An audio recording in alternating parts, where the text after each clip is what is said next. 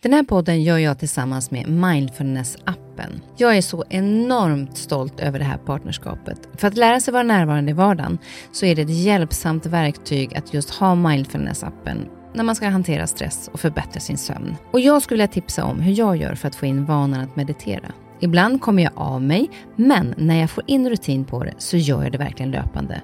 Och det jag gör då, det är att jag mediterar samma tid och på samma plats varje dag. Börja hellre med någon minut varje dag istället för en längre stund och kom in i rutinen och öka sen därefter längden på meditationen. Det har i alla fall funkat för mig.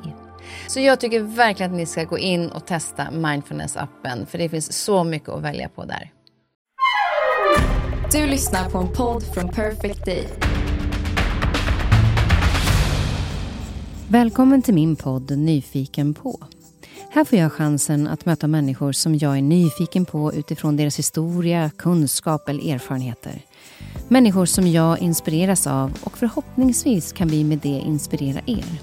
Och om ni gillar avsnittet får ni jättegärna dela det så fler får chansen att lyssna och det ger mig också möjligheten att få spridning på podden så att jag kan fortsätta länge att bjuda in människor till roliga och intressanta samtal. Glöm inte att du också kan gå in och prenumerera eller följa podden så missar du inte när avsnittet släpps. Vi är på väg mot ett nytt år. 2022 har på många sätt varit oroligt med kriget i Ukraina, valrörelsen, energipriser, inflation etc. Och för att hitta kraft och tro in i det nya året så har jag bjudit in Johannes Hansen som var med i avsnitt 26 och 27. Tanken var då att det skulle bli ett avsnitt. Vi pratade ganska länge och då blev det två.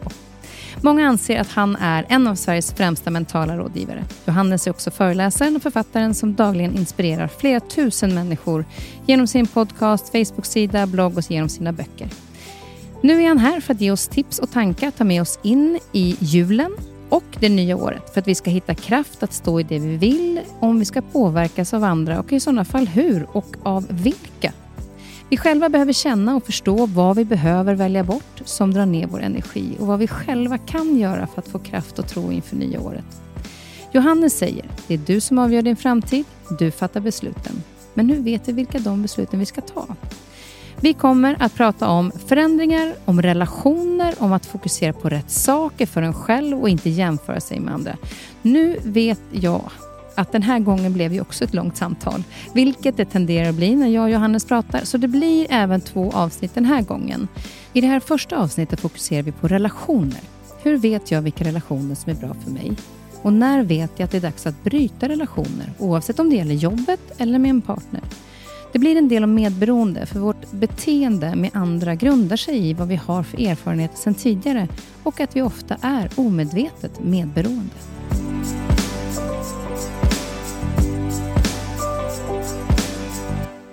Hur tycker du det är att sitta med hörlurar på? Nej, men jag började med, med lurar på och jag tror att det har, också, det här gått i, i faser rent cykliskt. För att under den tiden som jag var mer recenserande av mig själv så var det viktigt för mig hur mitt uttryck var och att jag tränade på att hitta det som jag kände mig själv nöjd med, tror jag. Och sen så kom jag till en ja, men till ett steg där jag det är så tydligt för mig generellt.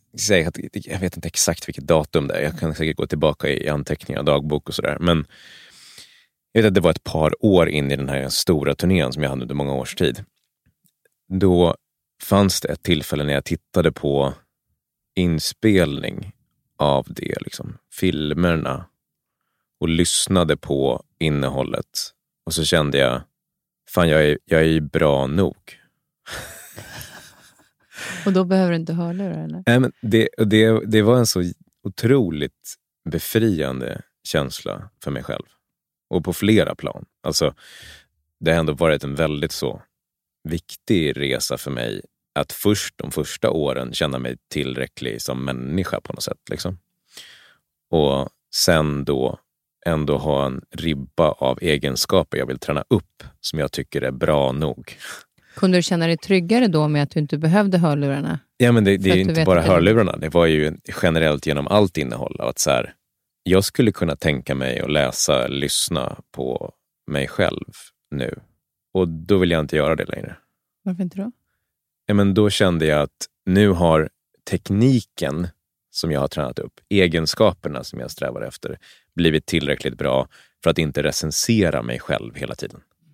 Så nu vill jag släppa ut det och så vill jag gå in i en fas där jag upptäcker helt andra saker hos mig själv och tänker på var jag befinner mig någonstans och vad som känns genuint för mig att uttrycka och hur det känns i kroppen att säga det och sådär. Inte recensera någon form av metaperspektiv av att så här, hur ser det här ut utifrån?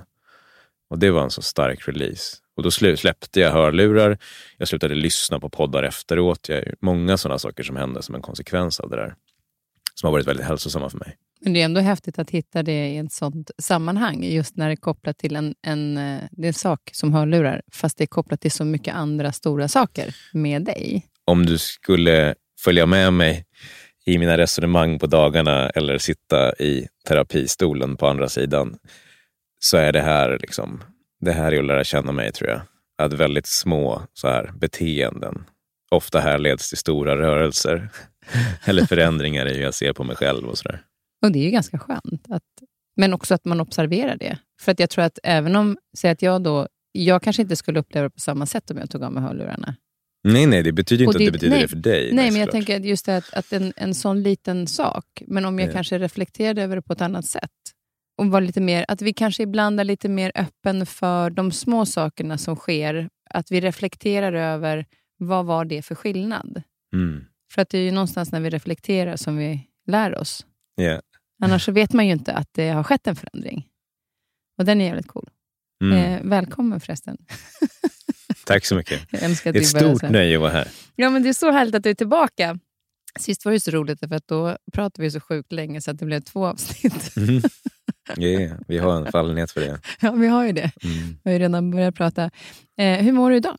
På vilken plats eh, är du idag kan vi säga? Jag är på en, eh, ja men jag skulle säga nu på förmodligen en av de bästa platserna jag har varit på väldigt länge. Jag är men så dagligt tacksam på ett sätt som är naturligare än det har varit på länge också. Jag har så många saker att vara tacksam för. Och vi har, säger jag ju, naturligt. För att vi är både en familj liksom, av eh, människor jag älskar runt omkring mig som mår bra. Vi är ett team som jobbar med någonting som är så givande på så många sätt. Och vi har så många spännande saker på gång och får liksom påverka på ett positivt sätt. Allt ifrån att nå ut med podcast till att böckerna eh, får vi feedback på liksom, varje dag i stort sett. Det är också nytt för mig att nästan dagligen få någon som kommer fram till mig och berättar på vilket sätt de har... Ja, men, exempel som att någon har följt mig i tio år. Liksom. Så här, jag har vuxit upp med dig.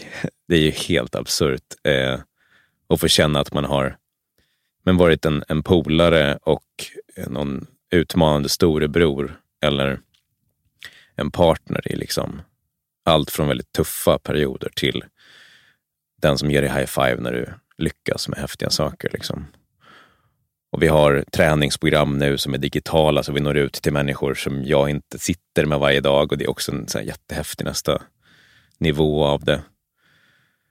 Och jag själv befinner mig både på en personlig plats som känns bra och taggad på mycket liksom, projekt vi gör men också på framtiden.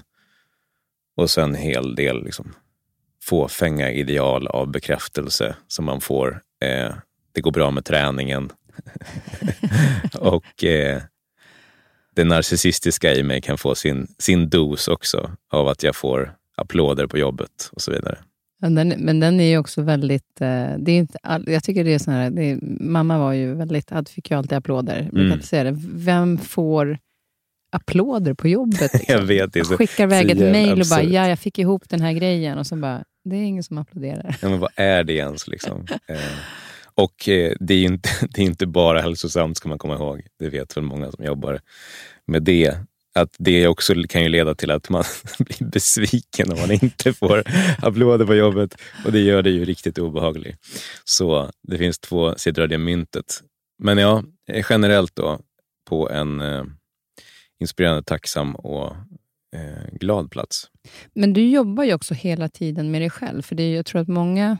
Eh, jag kan även tänka att när jag ser personer som är väldigt bra på att coacha andra, som man, jag upplever som enormt trygga i sig själv och så vidare, inte jobbar, behöver jobba med sig själv Mm. hela tiden. Eh, men du går ju hela tiden till någon och pratar. Mm. Vad betyder Ja, det? men de, dels så här, ligger det ju lite i paketeringen. Jag har, och det är ju på ett sätt ett skådespel som jag har varit noggrann med att om man lär känna mitt innehåll och mig och följer och lyssnar så finns det alltid elementet av mental styrka som träning. Och att träningsmetaforen finns ju där för, för vad händer ifall du slutar träna? Ja, då är du inte stark längre. Liksom. På ganska kort tid också. Så det finns inte bara formen eller musklerna eller styrkan. Det finns också så, ja, dagsformen och det finns form över tid. Så det är en väldigt viktig komponent. Att du slutar ju inte träna för att du har blivit stark. Eller förhoppningsvis inte i alla fall. Och det är lätt att- se på fysisk styrka så. Vi förstår det resonemanget. Att om man är, slutar köra kondis ganska kort tid så har man den inte kvar. Liksom. Och det har varit, ska man säga, mitt sätt att uttrycka det här och också om jag får frågor om det. Eh, när någon säger att är du framme? Så är jag väldigt tydlig med att det är ingen som blir liksom, framme. Men jag har också varit, det har varit viktigt för mig att åt andra hållet också uttrycka, men jag är stark. Därför att vi har också en kultur där vi tenderar att inte hylla styrka. Och vi tenderar att inte vilja se andra människor som starkare eller bättre på någonting än mig. Och där menar jag ju på att ifall du jobbar med dig själv regelbundet, om du sitter i möte med människor i tusentals timmar och om du gör övningarna du själv ger andra, så kommer du bli stark. Och då kommer du ju känna dig tryggare. Och du kommer bli modigare. Och saker som var läskigt tidigare är inte läskigt längre. Och det är ju också någonting du behöver stå upp för. Så det finns en dubbelhet i det här. Inte att du kommer fram, utan att du tränar. Men om du tränar så är du stark. Så vad betyder det här för mig då, som din fråga var? Det betyder ju hur mycket som helst. Jag kan alltid tänka på den här balansgången mellan vad personlig utveckling kan göra med dig, som gör att du kan bli väldigt självupptagen. Du kan ju tänka hela tiden på på vilket sätt betyder det här någonting för mig när jag ska ta nästa steg? Eller vilka behov har jag? Eller vad vill jag helst av allt? Och sådär. Och då kan ju också personlig utveckling bli väldigt eh, narcissistisk. Liksom, eller jag har svårt att känna empati och sådär. Men om vi jobbar terapeutiskt med oss själva och om vi sitter i psykoanalys eller träffar människor som är duktiga på att få oss att reflektera över oss själva, då är ju strävan efter att bli en ja, bättre människa.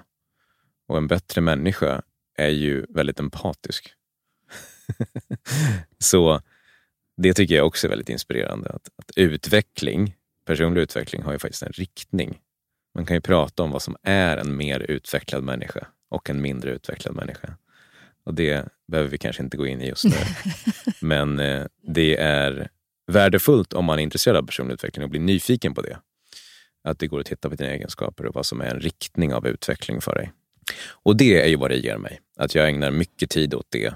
Att bli utmanad och att bli supportad och att hjälpa mig att navigera var jag står någonstans. Och sen har jag haft en sån här viktig filosofi för mig själv.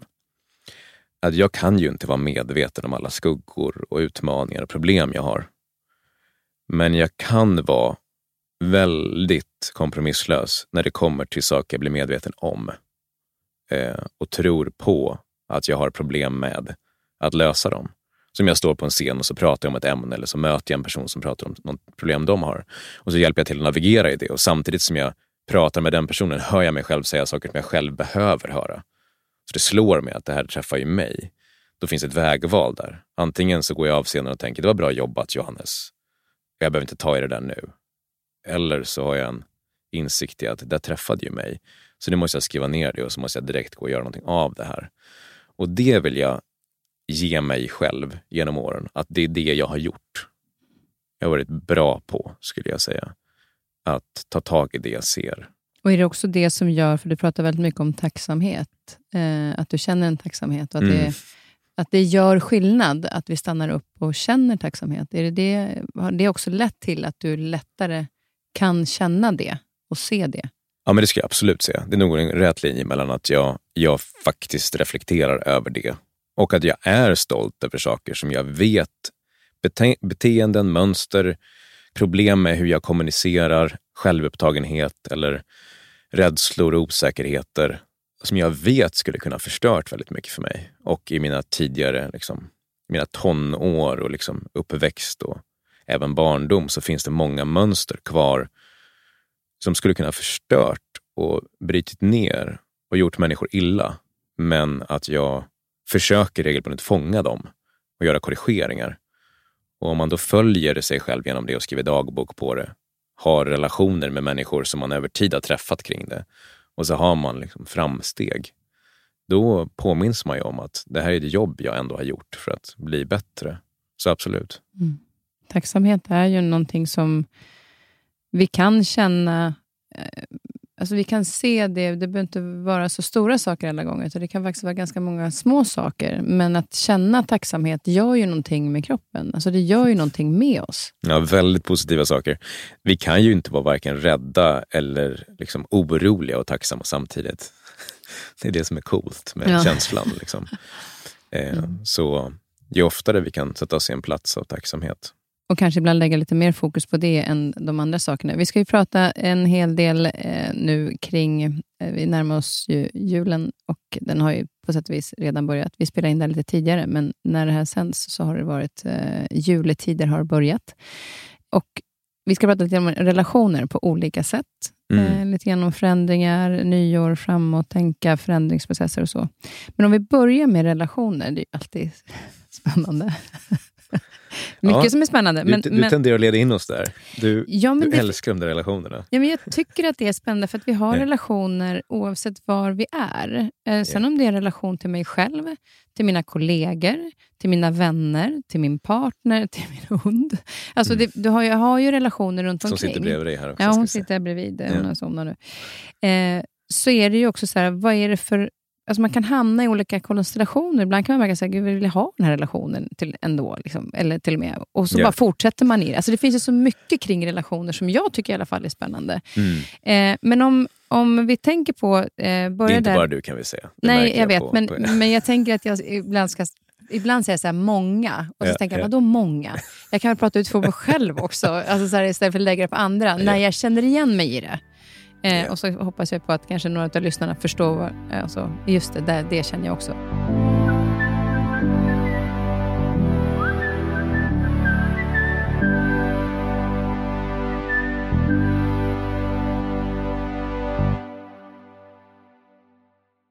Om eh, vi är i en relation, har relationer till exempel, så är det väldigt lätt att vi lyssnar till människor runt omkring oss Mm. som vi har relationer med. Om vi till exempel är på en osäker plats. Det är kanske inte alltid bra att lyssna på de man har runt omkring sig när man själv är osäker i någonting. Hur Nej. ska man tänka där? För det är ju väldigt lätt att säga, Gud, jag vet inte hur jag ska göra med det här, så jag pratar med henne eller jag pratar med honom. Ja, den bästa filosofin är verkligen om du vill göra något eller lyckas uppnå någonting som du inte har gjort tidigare. Då ska du se till att ta råd ifrån, lyssna på eller söka dig till människor som har uppnått det. Just det, så inte bara gå så här, det, men hon brukar vara bra att prata med. För hon, hon kommer. Jag skulle till och med säga aldrig. mm. Det är en bra filosofi.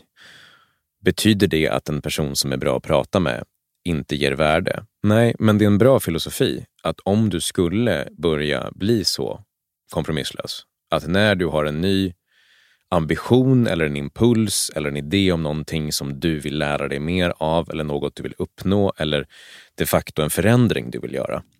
Och då behöver man inte gå så snabbt till att man kanske har någon direkt som man vet den där har gjort det, så tar man en fika med den. Om man nu inte har det. Annars skulle jag gjort så.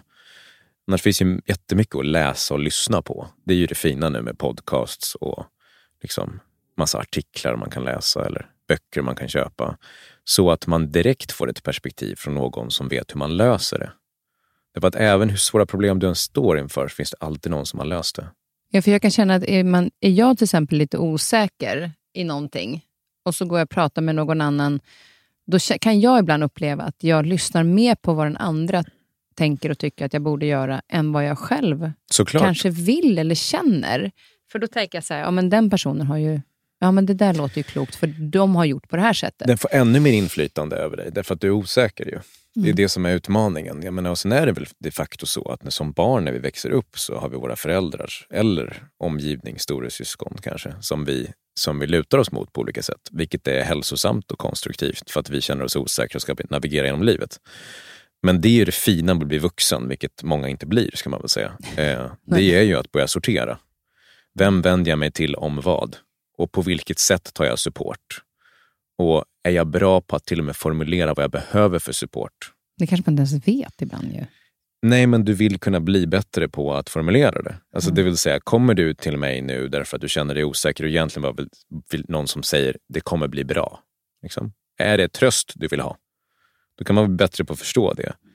Men tröst kommer ju aldrig få dig att bli handlingskraftig nog att lösa ditt problem. Det är därför jag tenderar att vara utmanande och säga att ingenting löser sig. Du löser det. Och det är kanske inte är det du är redo för just då, för att du vill känna känslorna av att du är vilse. Men det är ju ingenting som du vill göra över tid. Och träffar jag människor på liksom en middag eller bara i korridorerna på kontoret som vill ställa en fråga eller ute på stan, liksom, som känner sig vilsen över någonting. Och sen lägger man till en frustration om hur länge man har gjort det. Då blir jag väldigt utmanande snabbt och säger, så hur många har du träffat som har löst det här? Då? Liksom, Nej, men jag träffar de här två som jag brukar prata med om det. Okej, okay, så att du, du fortsätter att gräva ner dig i hur vilsen du är. Och sen så gör du det också med människor som du förmodligen kommer märka gillar att bestämma över dig. Så du blir ännu svagare. Därför de här människorna håller på att berätta för dig vad du ska göra hela dagarna. Så du tränar inte upp din egen viljestyrka, utan du lutar dig mot deras. Och det ska vi i essens förstå. Vet du inte vad du vill med ditt liv, eller har du svårt att fatta beslut kring relationer eller eh, karriär, så beror det ju på att du har svaga beslutsfattande muskler. Du är inte särskilt bra på att reda ut vilka behov du har. Och när du ser vad du behöver göra, så har du en tveksamhet kring om du kan lita på din egen inre röst. Förmodligen på grund av att du har haft människor genom din uppväxt som har bestämt över dig. Och så fortsätter man i samma... Och så fortsätter mm. samma mönster. Du fortsätter söka upp andra människor som bestämmer i ditt liv. Och Det kan jag tänka också just med sociala medier till exempel.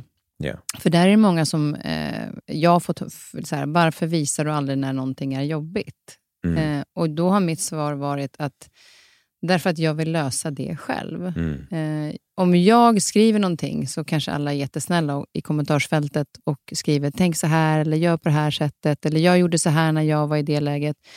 Och Jag kan känna att jag har inte det behovet just då, utan jag behöver hitta vad, på vilket sätt jag ska lösa det yeah. eh, i mig själv. Även om alla försöker vara väldigt snälla i det. Eh, sen kan jag berätta om det kanske efteråt, mm. men inte där och då. Men det är kan det också vara ett sätt så att nu är jag så frustrerad, jag är orolig och så skriver man någonting på sociala medier och så får man massor med i kommentarsfältet. Nu ler du lite grann. Ja, men jag ler ju kring hela den här idén om att man ska använda sitt eh, kommentarsfält eller sociala medier som någon terapeutisk process. Alltså jag ser ju ingen som har en live-relation med sin publik som mår bra. Nej, frågan är om de blir om de löser problemet via det. Men det kan vi, man ju reflektera över, för det är precis det du sa, det här med att om man har pratat med två personer hela tiden, blir jag, är du fortfarande kvar i det? Om du nu skriver hela tiden på Instagram, är du fortfarande kvar i det?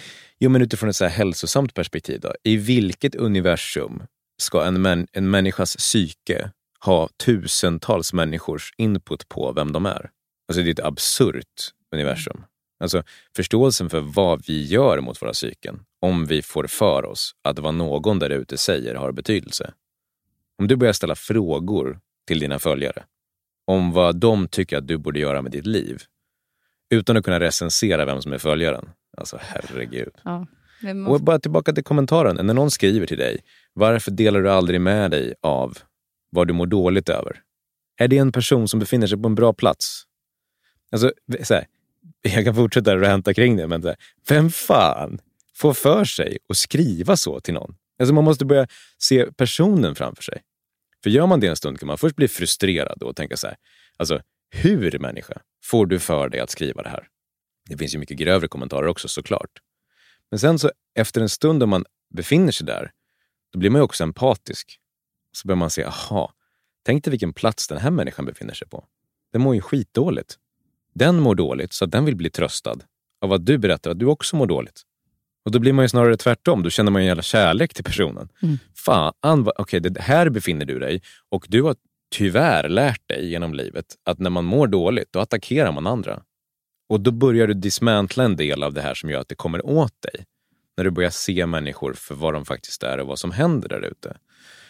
Och att leva så nära åsikter och låta dem gå in så hårt, det är ju en del i vad som gör att vi mår väldigt dåligt generellt. Liksom.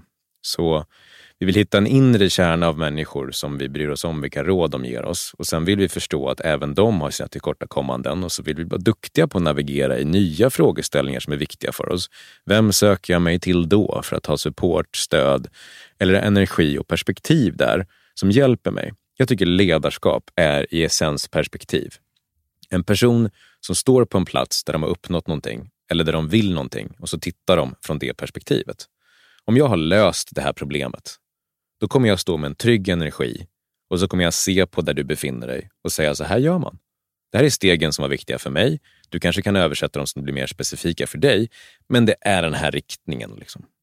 Och det är en trygghet i sig att du, du känner att det, det är så jag skulle kunna gå i den riktningen. Sen så säger du kanske, hur ska jag göra då? Och i vissa fall så behöver du använda att du nu behöver andra människors beslut för att ta första stegen. Så då får du tydliga råd.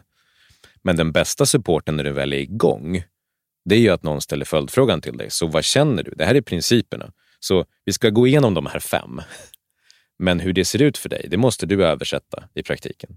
Och snarare som är där och utmanar dig till att ta stegen som är din version av stegen om man säger så. Det, det blir den viktiga logiken att köpa in på. Att så här, det finns de som har löst alla dina problem. Och så fort du hittar på att ditt liv är speciellt och att du har större problem än någon annan har, då har du blivit omogen och barnslig. Och så ska du söka dig till någon som snarare har löst dem istället. Och inte sätta dig runt ett fikabord med andra som har samma problem och säga hur ska jag lösa det här? Ja, för det vet jag du skrev på, tyckte det var så roligt när du skrev på Instagram. För övrigt älskar jag ditt Instagram, för man får så tydliga... Jag älskar dina så lines som du skriver. Man bara, ja, där satt den. Eh, häng inte med andra om du vill bestämma vad du vill, som inte själva vet vad de vill. Ja, det är så jävla absurt. Jag tänker hur, hur sjukt det är. Du, så här, du har inte tränat tidigare, du blir peppad på att börja träna och sen går du direkt till din polare som har tränat mindre än dig till och med och säger ska vi gå till gymmet tillsammans? Alltså, det, den blir mer konkret också. Den blir väldigt konkret. Men så här, jag vet inte vad jag vill i mitt liv. Så jag sätter mig med min väninna och så pratar vi om att vi inte vet båda två. Och det tröstar oss. Ja, men vad har hänt då? Liksom? Ni fortsätter ju vara helt menlösa kring vad ni vill i ert liv. Och över tid så, så kommer ni att bli sura tillsammans på människor som vet vad de vill. Tänk dig det, att du blir provocerad av människor som har löst problemen. Det är ju så många håller på. De blir helt vansinniga. Varför, varför blir de det? Ja, men, leta i dig själv då. När du ser någon som är stark och självklar och så känner du dig svag. Och men dålig. vad är skillnaden till att jag kan inspireras av den personen istället för att bli sur på den personen? Perspektiv. Perspektiv. Om man lägger till att man mår dåligt och inte tror att man kommer kunna må bra, då mm. kommer du ju hata alla som mår bra. Men om du tänker att det faktiskt skulle kunna gå att må bra och att det finns en riktning, en filosofi, någonting de andra gör som inte är medfött, som inte handlar om DNA, som inte handlar om vad de föddes i för miljö, inte handlar om att de föddes med pengar eller ifall de hade tur eller flyt, utan att de har jobbat för saker, tränat upp egenskaper. Ja, det är det som är den finaste insikten som finns. Att alla kan och det är det om du lever med det coolt. perspektivet. För att du kan bara, alltså ett ändrat perspektiv. Yeah. Att ta det ansvaret i sig själv. Att om jag nu irriterar mig på den där personen, varför gör jag det? Mm. Därför att mitt perspektiv är det här. Mm. Om jag tänker på det här sättet istället, skulle jag då vara lika irriterad? Mm. Eller bli inspirerad? Yeah. Att Och det kommer ju någon bli irriterad. Ja, men till och med vi pratar om det, det kommer ju folk bli irriterade på också. Eller hur? Man blir ju irriterad på någon som säger att du kan förändra ditt perspektiv så att du inte är irriterad. Mm. Och det är ju den stora insikten. Hur går man med på, när man har ett ego och en vinnarskalle, att någon annan har ett bättre perspektiv än dig? Det, alltså det, är, det- det är det coolaste som finns. De här ögonblicken i en konversation med någon som man kan se i mitt flöde då, till exempel. Eller läsa om i en text eller har varit med om själv. När man känner hur man tar spjärn med hela kroppen. Liksom, en, en del av det är bara, bara döda idén som kommer i din riktning. Och så bara någonting i dig är större än så. Och så bara... Ja, Jag kan se mig själv. Va- Varför, varför håller jag på och försöker vinna över någon som vill hjälpa mig? Det är ju de här ögonblicken när jättemycket förändras. Och de har vi access till hela tiden. Att lägga ner vinnarskallen när vi tävlar om vem som är största förloraren. Här med tävlande tycker jag är lite roligt. Ja, men vi, det, menar, det måste vi förstå att det ligger i, i vår natur. Det är ju bra rent genetiskt att eh, liksom, vinnarinstinkt överlever. Såklart. Så vi premierar ju människor som vill vinna, som har starka egon och som på olika sätt hittar sätt att bli bättre på så att de kan vinna över andra. Sen har vi utvecklats som människor genom tänkande framför allt och kan nu inse att det finns en till nivå av att vi kan hjälpa till att se att fler är vinnare och bara för att en vinner så förlorar inte någon annan. Nej, exakt. Och det är ju ett perspektiv när vi börjar bli bättre på att vinna som jag också ser är så viktigt att vi lär ut. Att det är inte så att bara för att du vinner så förlorar någon annan. För det är ju vad Jante lär oss. Det är ju, en in, det är ju liksom en, en hel kultur av att ifall du har något och du tagit det från någon annan. I, det finns en paj som är begränsad. Ifall du får en större pajbit och du tagit någon annans paj istället för att tänka att du kan baka en större paj. Och ju mer värde du ger, ju större ekonomi skapar du och därför så finns det mer till alla. Det perspektivet är ju oerhört fundamentalt om vi ska ta oss förbi många av de utmaningarna vi har utifrån ett större perspektiv. Det är ju, och just det här att dela, den, alltså dela vinsten med någon är ju liksom på ett annat sätt än att så här, Ja, för vad händer, vad händer med någon då som vinner över tid och om den är tacksam och börjar känna sig tillräcklig, därför att det är lätt att bara vinna och sen så tänker jag jag måste ha nästa. Men ifall du börjar ge dig själv vinsten, börjar jobba med dig själv, ja då kommer du naturligt, apropå det här med att bli en bättre människa, bli generösare. Och så börjar du inse att ja, men det var att dela med andra som var grejen. Och så får du en bättre mental cirkulation och hjälper många fler än dig själv.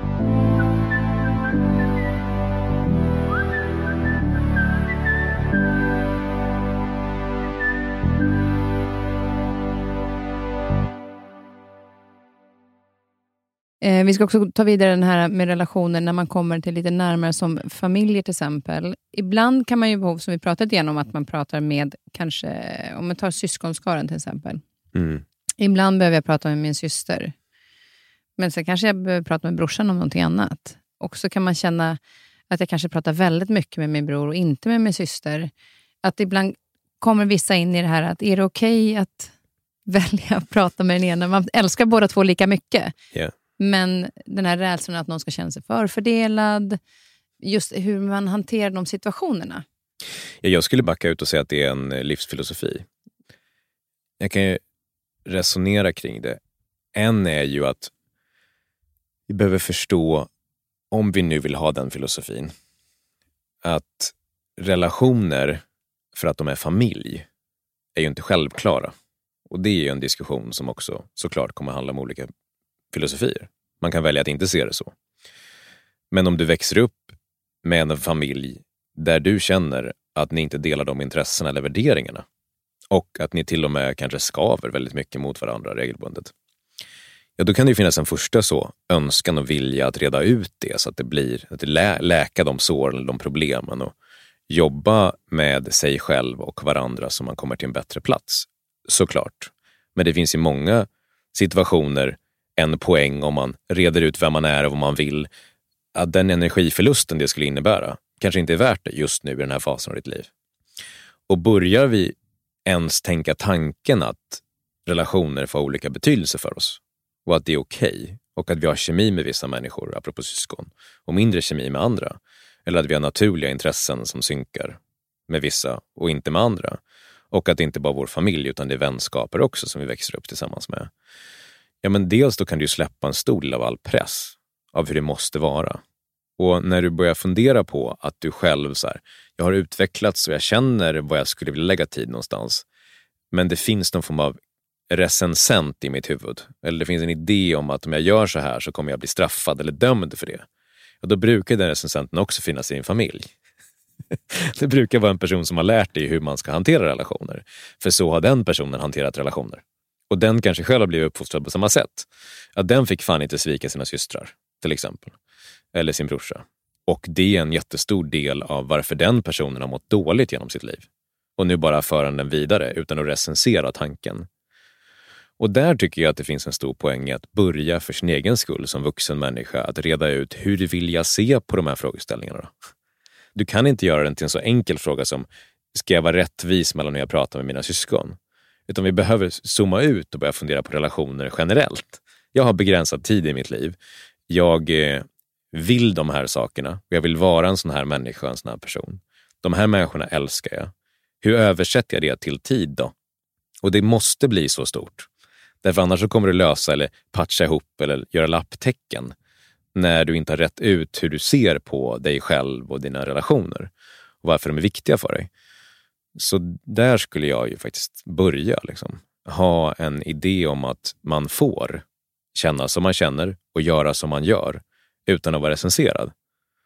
Och är det så då att ditt syskon skulle attackera dig för det här, ja men då, då finns det en stor poäng att ta ett samtal där man till och med förmodligen kommer säga anledningen till att vi inte pratar så mycket är förmodligen det här. Men det kanske inte den andra personen är på den, alltså just att man kan få dåligt samvete eller man känner skuld för att man inte pratar med den ena och den andra. Är man något form av medberoende då för att man hela tiden, eller är det bara att man är rädd?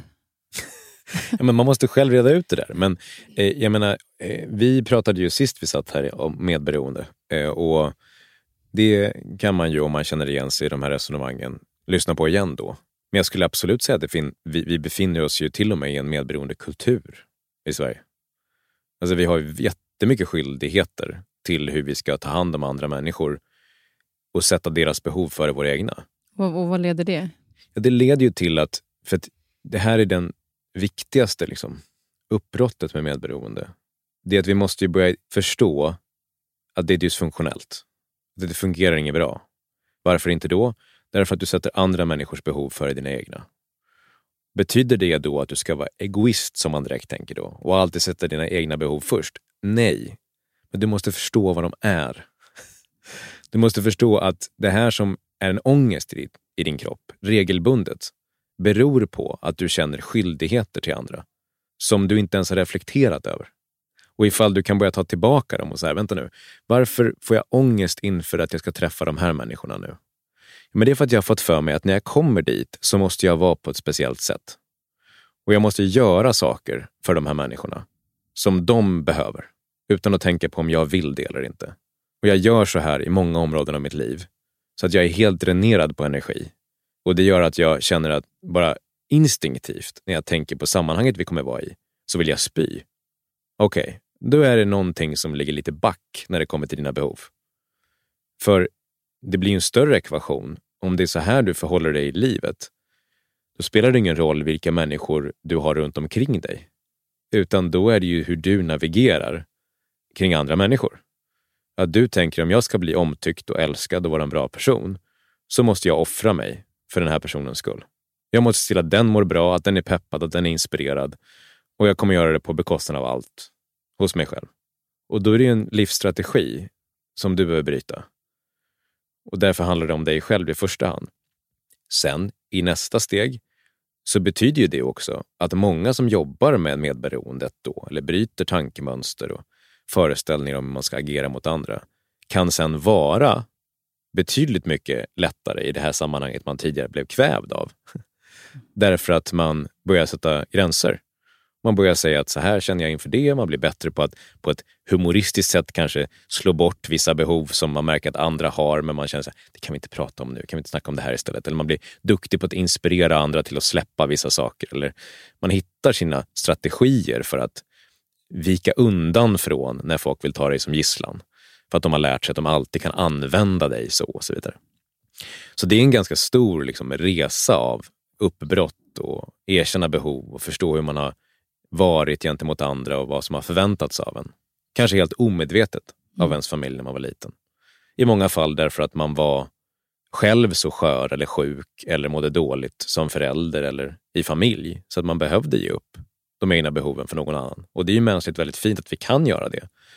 Men när vi kommit ur det här kritiska läget där det är på liv och död, eller kändes på liv och död, så måste vi ta tillbaka det här som vi förlorade. Men det finns ju många också som jag, eh, när jag jobbade med Biggest Loser till exempel, mm. eh, de pratade hela tiden om, eller många av dem som var där, att allt de hade gjort för alla andra hela tiden. Att mm. jag fanns där för den, jag fanns där för den. Och så, då märkte vi när vi satt och pratade att det handlade väldigt mycket om att de också fick en kick av det. Mm. Att de fick betyda någonting mm. för att de kände att de betydde ingenting för sig själv. Så de mm. började ju inte med sig själva. Mm. Utan inte för att andra förväntade sig att de skulle göra allting för dem, eller mycket för dem. Utan de tyckte om att göra det för att se glädjen hos dem. Istället för att, och Det är ju härligt på ett sätt, men de tog inte hand om sitt eget yeah. skit så att säga. Eh, så det finns ju också olika perspektiv i att jag har blivit uppfostrad på det sättet men jag behöver själv också kicken för jag får bekräftelse i att jag är betydelsefull. För jag känner mig inte betydelsefull i mig själv. Mm. Och Det är ju också en, ett sätt att visa andra att man finns där för dem. Men, men essensen av det är för att det är jag själv som har det behovet, inte för att jag Yeah. tänker på dem. Det kan ju ofta bli översättning. Man växer upp i en miljö, för ett barn börjar ju inte som medberoende. Du, du liksom föds ju inte som det. Utan du är i en miljö där du behöver, känns det som, eller någon annan säger till dig att du ska ge upp dina behov för den personen. Och sen blir det ditt sätt att navigera när du är vuxen också. Så ingen kanske behöver eller frågar dig någonting, men du tar dig in med att se till att de behöver dig. Mm. Och tro mig, när det kommer till min egen utveckling, jag menar, det, det vore väl helt absurt om jag inte insåg hur mycket medberoende som ligger till grunden till det jag gör. Ja, det är så? Ja. yeah, absolut. Ja. Jag har ju haft känslan när jag var liten att jag, om inte jag bär världen så dör alla.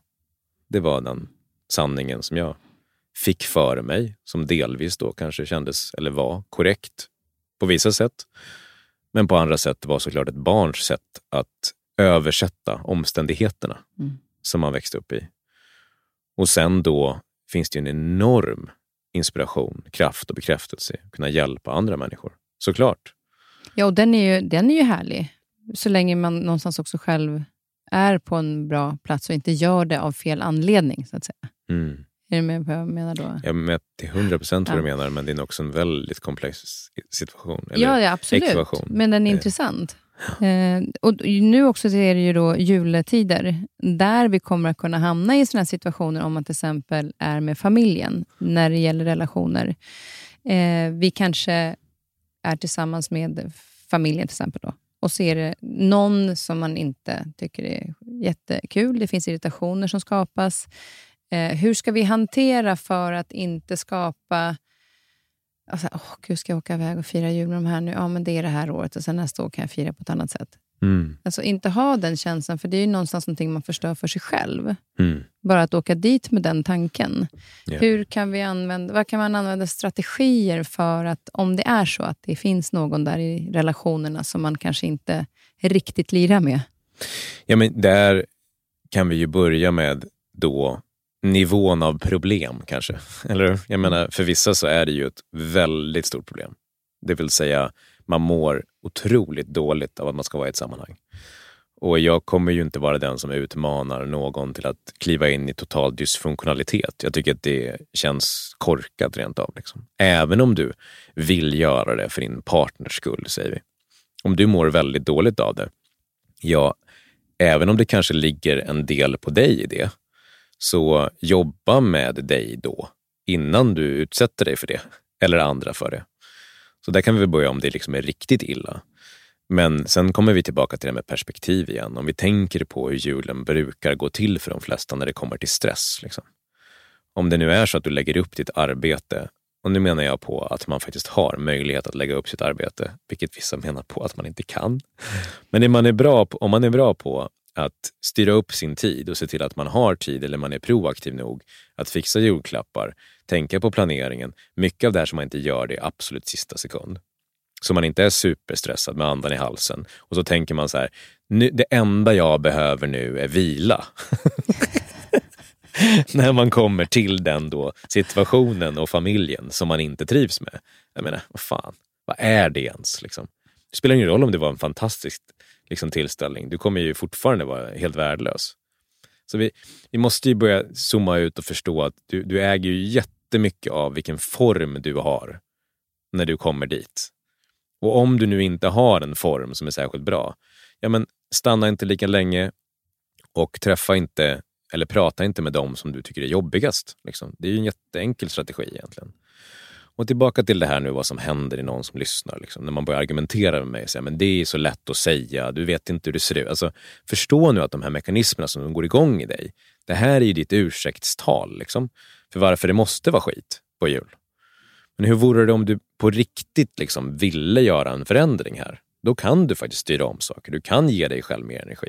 Du kan tänka på att men, vi kommer till eftermiddagen där istället. Och istället för att bara säga det till folk precis innan. Vi kommer komma sent så att de blir irriterade på er istället kanske.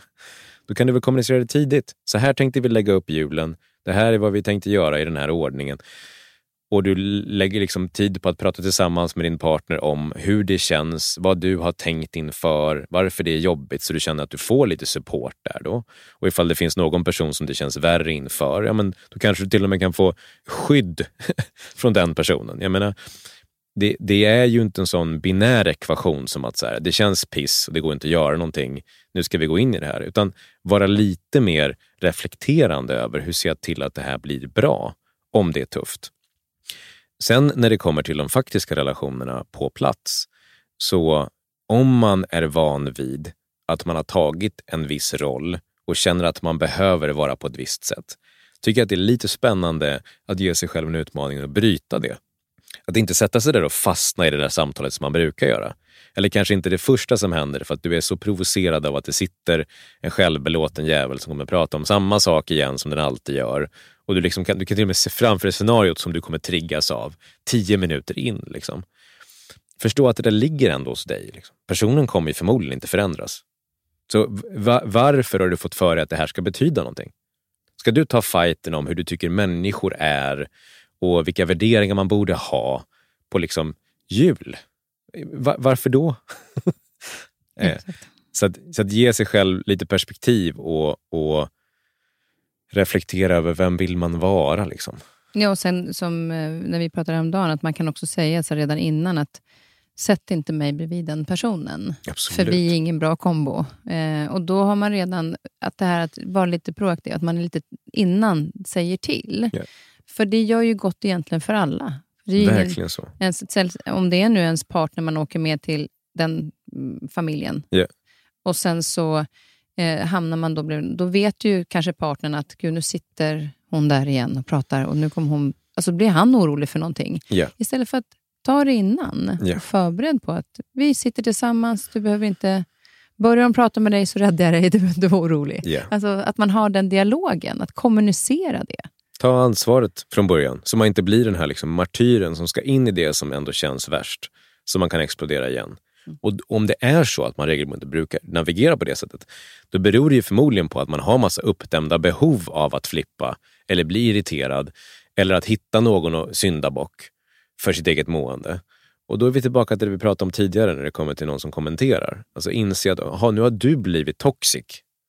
Du har liksom emotionella problem som du tar ut på andra.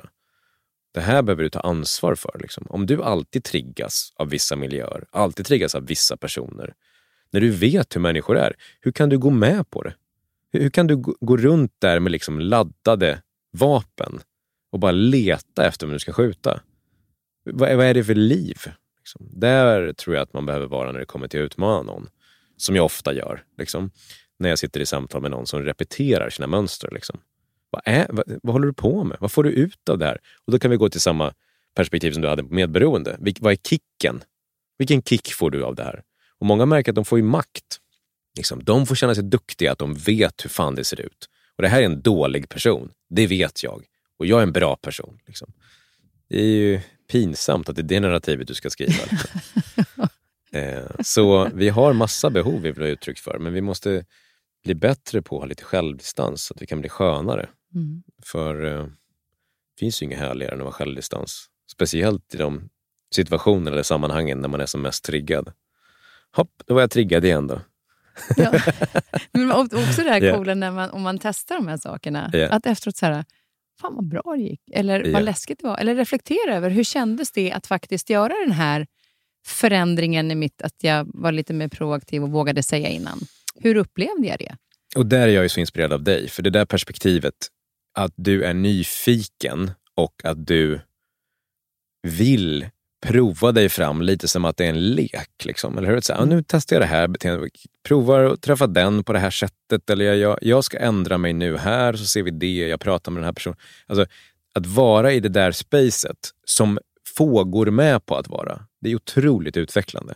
Man så här, ändå har börjat tagit sin personliga utveckling som en sport nästan. Liksom. Att så här, ja men det går ju att bli bättre, jag märker ju det. Och hur ska jag kunna testa det här? Så det där är, det där är ett väldigt inspirerande perspektiv, att se det som att världen är ju verkligen så otroligt plastisk. Alltså den är så flytande. Och när man kan se det, det är också ett perspektiv.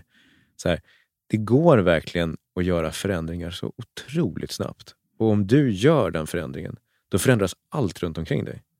Och Det är så coolt. Om du bara tar en annan position eller slänger en annan kommentar än du brukar, då förändras hela kontexten runt matbordet.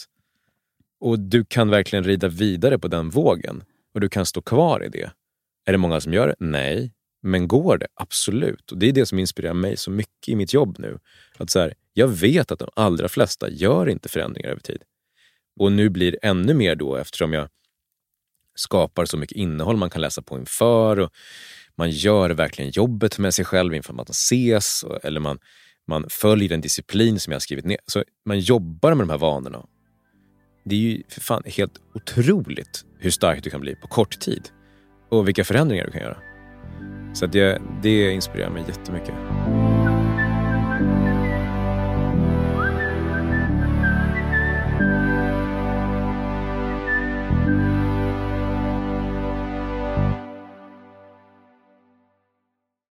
Hur ska man tänka inför, när man känner, eller när vet man så här på jobbet att nu bör jag byta jobb? Ja, men en princip som är bra när det kommer till både relationer och jobb är att om du är en person som brukar eh, ganska snabbt reagera och flytta vidare. Liksom. Nu är det slut här, eller nu ska jag byta jobb. Och du vet ofta, känner ofta igen dig själv i det, att du, du liksom dyker emellan ganska snabbt. Då brukar det vara bra att reflektera lite längre. Och göra motsatsen? Alltså.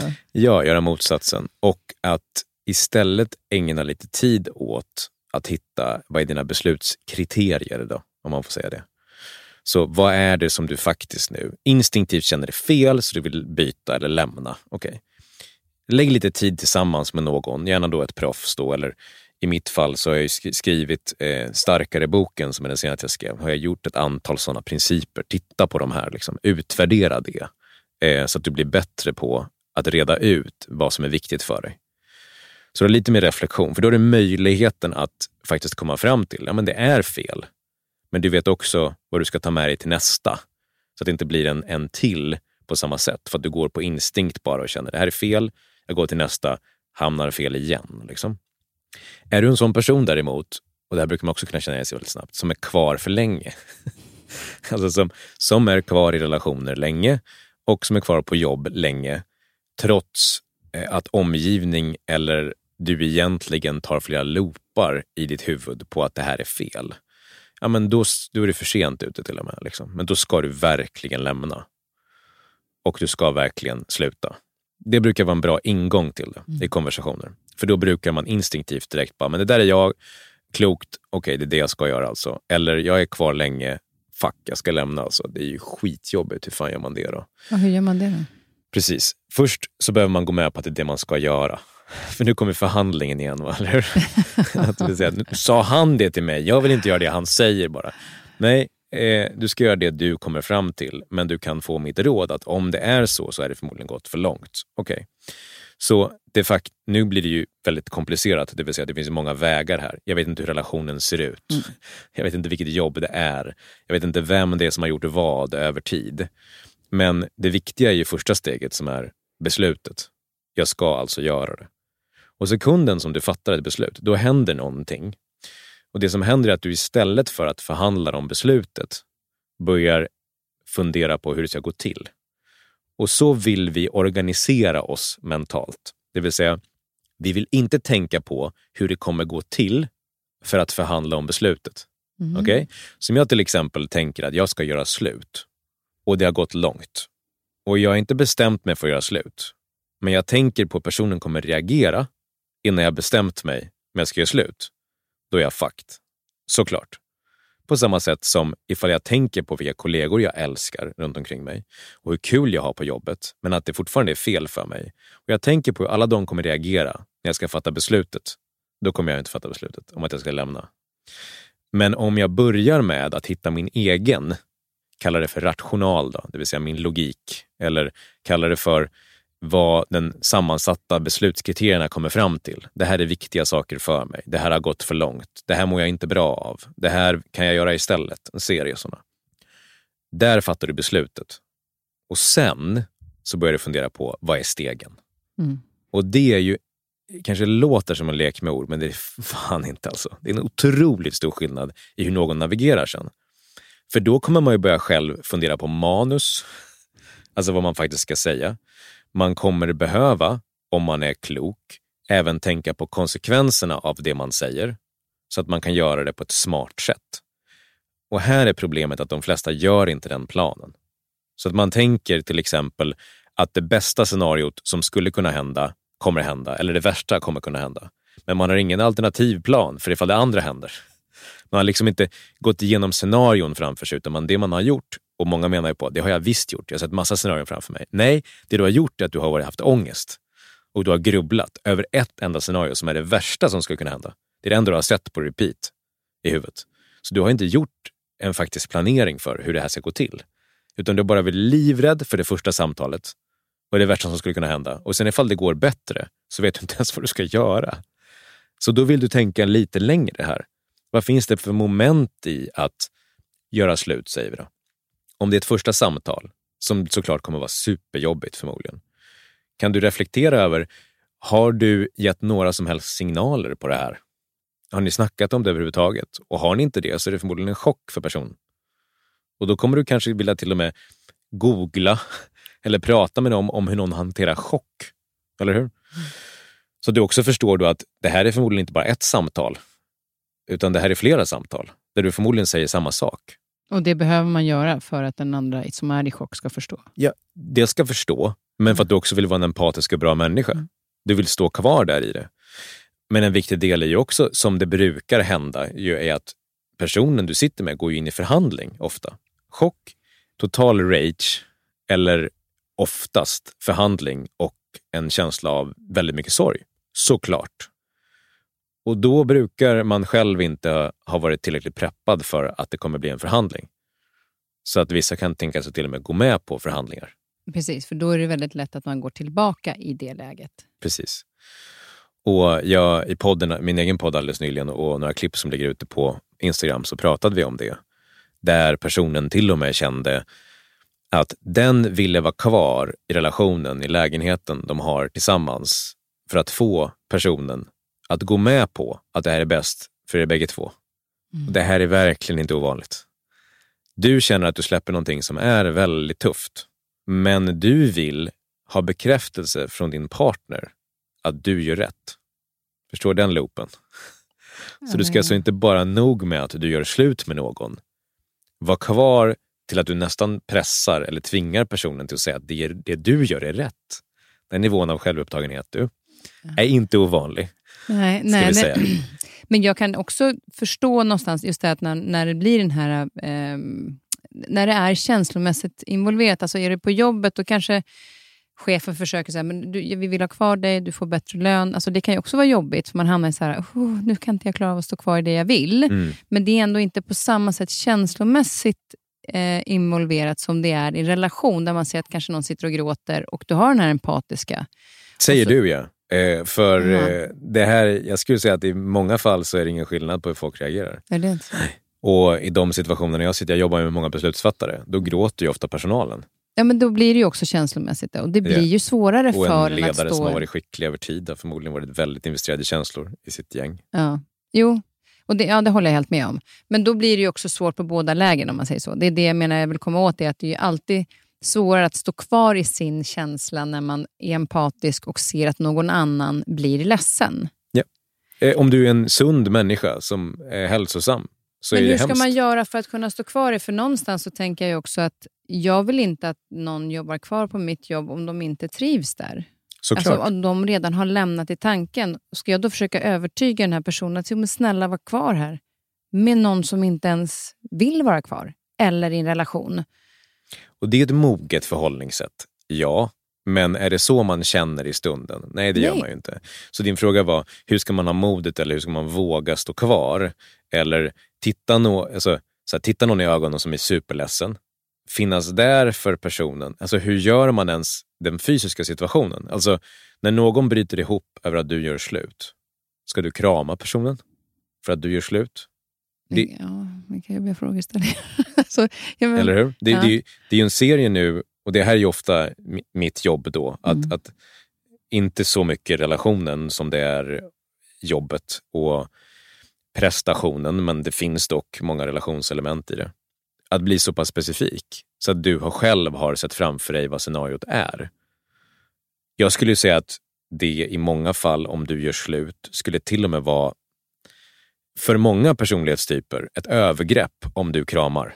Och det, det man tänker är att man vill krama den som är ledsen. Mm. Men du är också förövaren i den situationen. Ja, så är det ju. Så ska ni försonas när du gör slut? Nej. Alltså vi ska ju göra slut.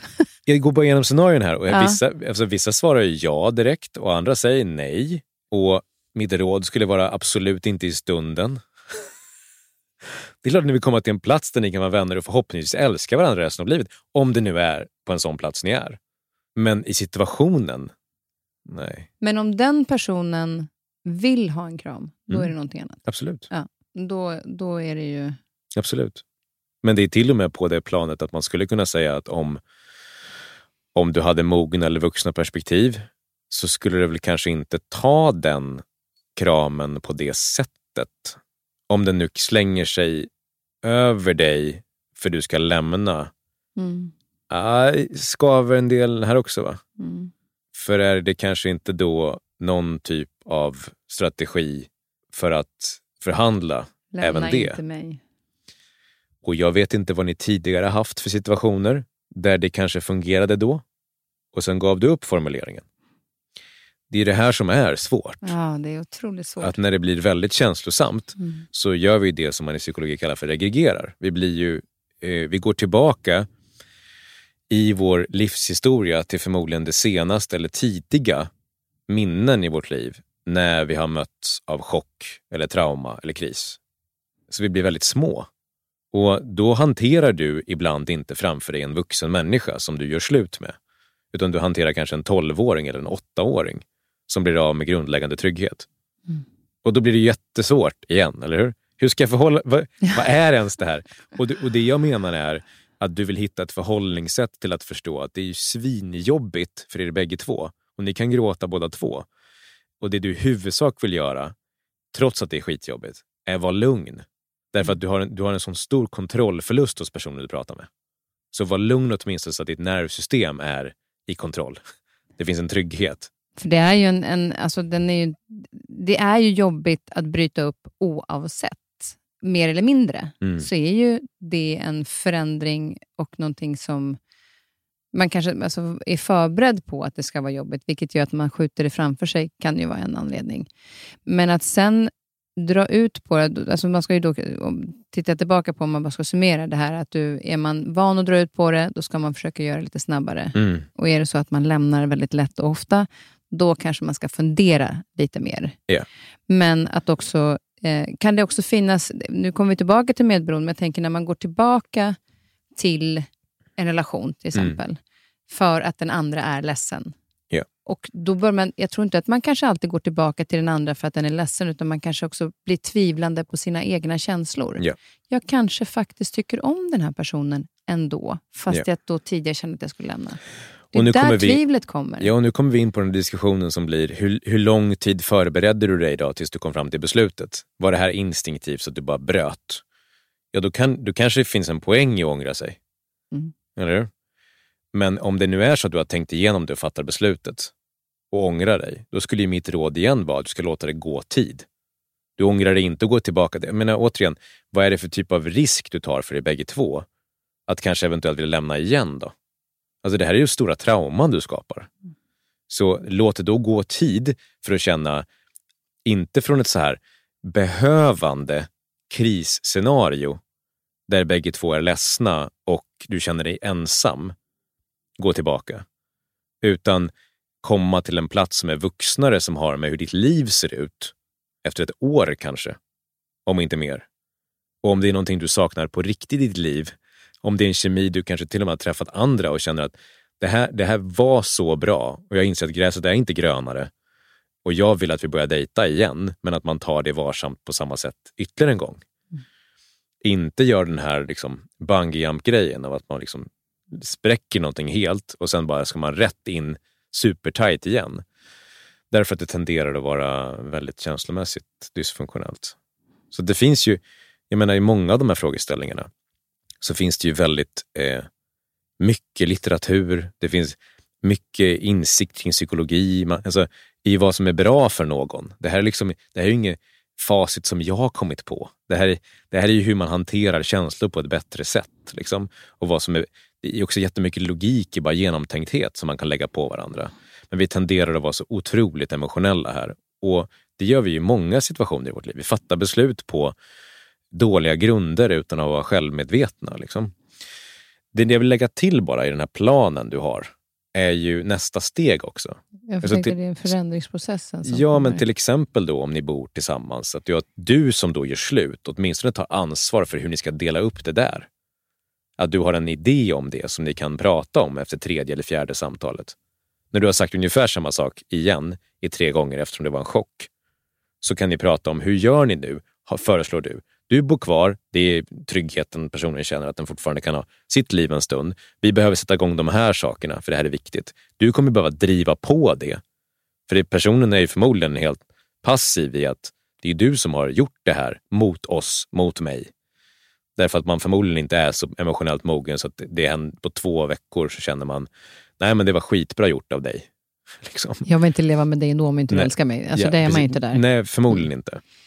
Och då behöver du driva den processen. Men det är ju också så här orättvist att efter två veckor bli sur på personen för att den inte flyttar ut till exempel.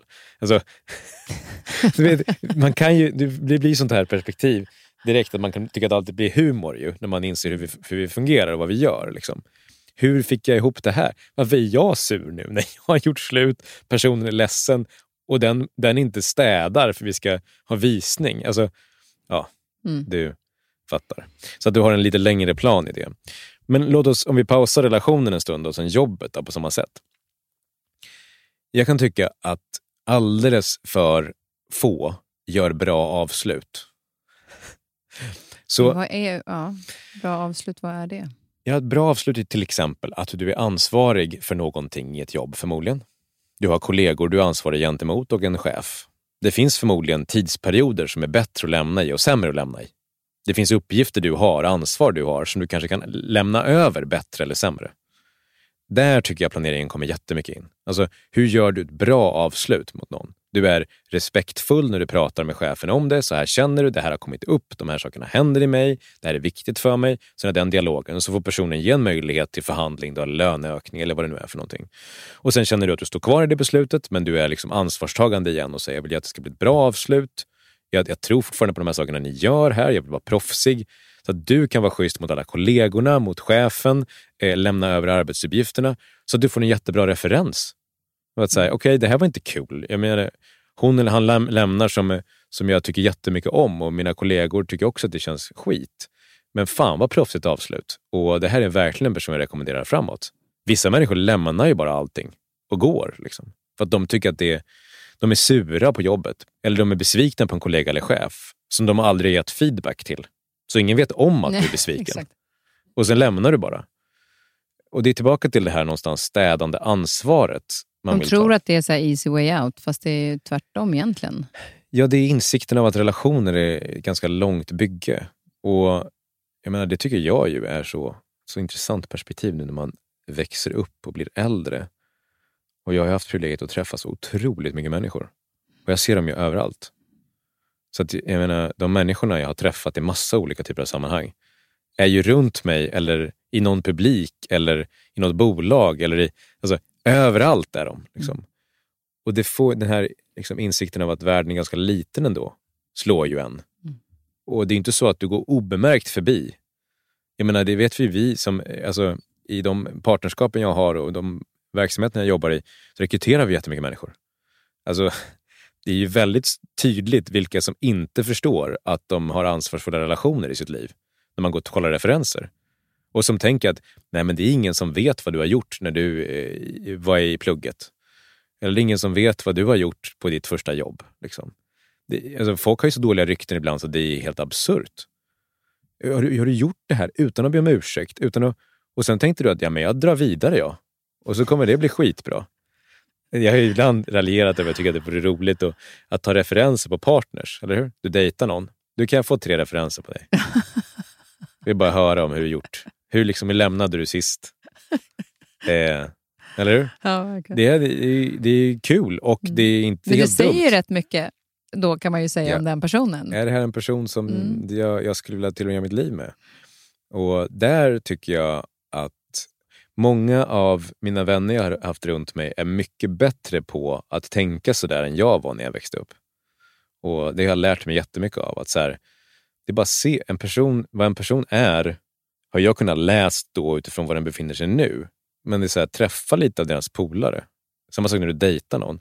Se, se till att, att an tredje dejten är bland deras vänner. Liksom. Se vem det här är. Eh, och det ska ju ni kvinnor framförallt lära er, har jag märkt biologiskt, eh, har jag lärt mig. Att, att, att det är väldigt smart att direkt när man har dejtat någon och får en viss typ av känsla av killen, träffa killen i sitt eh, grabbgäng och se om du känner samma sak instinktivt. eh, den var bra. Ja, jätteintressant är den. den För det har jag märkt på många... Vad är eh, som... Vad är som eh... Beroende på vilken, och det här då är in, inte min, min teori, men eh, beroende på vilken nivå han har i hierarkin bland sina grabbar så kan du känna olika saker. Han kanske har fått dig att, eh, att tänka att han är eh, kung i sin värld och sen så ser du honom bland andra och vem han blir bland dem. Och så kanske den chimären försvinner eller tvärtom, så var han väldigt ödmjuk och inte alls var liksom, tog så mycket plats och sådär. Och så kommer du in i kontexten och märker, och jävlar vilken respekt alla har för honom. Och så känner man direkt, det här är min man. Bra tips. Mm. Den tackar vi för. Mm. Eh, du Johannes, eh, vi har rätt mycket kvar att prata om och eh, tiden bara går. Så jag tänker att vi delar upp det här avsnittet också i mm, två. Det går, det går snabbt här. Som, eh, som eh, vi gjorde förra gången. Eh, så att vi, vi avslutar här. Jag får säga god jul och ha riktigt härliga dagar. Och Sen så ses vi, kommer vi vidare med nästa avsnitt om en vecka. Och yeah. Då pratar vi lite mera framåt. Yes. Lite mera kring liksom drivkraft, målsättningar och hur vi gör det bästa av det nya året. Det gör vi. Mm. Och Sen så ska vi avsluta någon, med någon bra låt. Du får ju välja två låtar nu, för nu har du ett för det här avsnittet wow. och en till nästa. Men jag tycker, jag tycker, En, en låt som jag älskar i de här tiderna, som jag plockade upp förra året. Jag satt med min polare nyligen och så spelade jag den för honom. Eh, och sa, varför har du inte gett den här till mig tidigare för? Så jag, det borde du ha hört, för den är superstor. Men det är Ed Sheerans jullåt med Elton John. Ja. Den är otrolig. En Sharons jullåt med Elton John. Ja. Vilken, vad är den heter då? Men det tar jag reda den på. Den kommer du hitta direkt. Ja, den hittar jag direkt. Ja. Eh, då avslutar vi med Ed Sheeran och den här fantastiska jullåten. Mm. Och så eh, fortsätter vi vårt prat som ni får höra nästa vecka. Tack för den här timmen. Så fortsätter vi. Tack själv. God jul. God jul.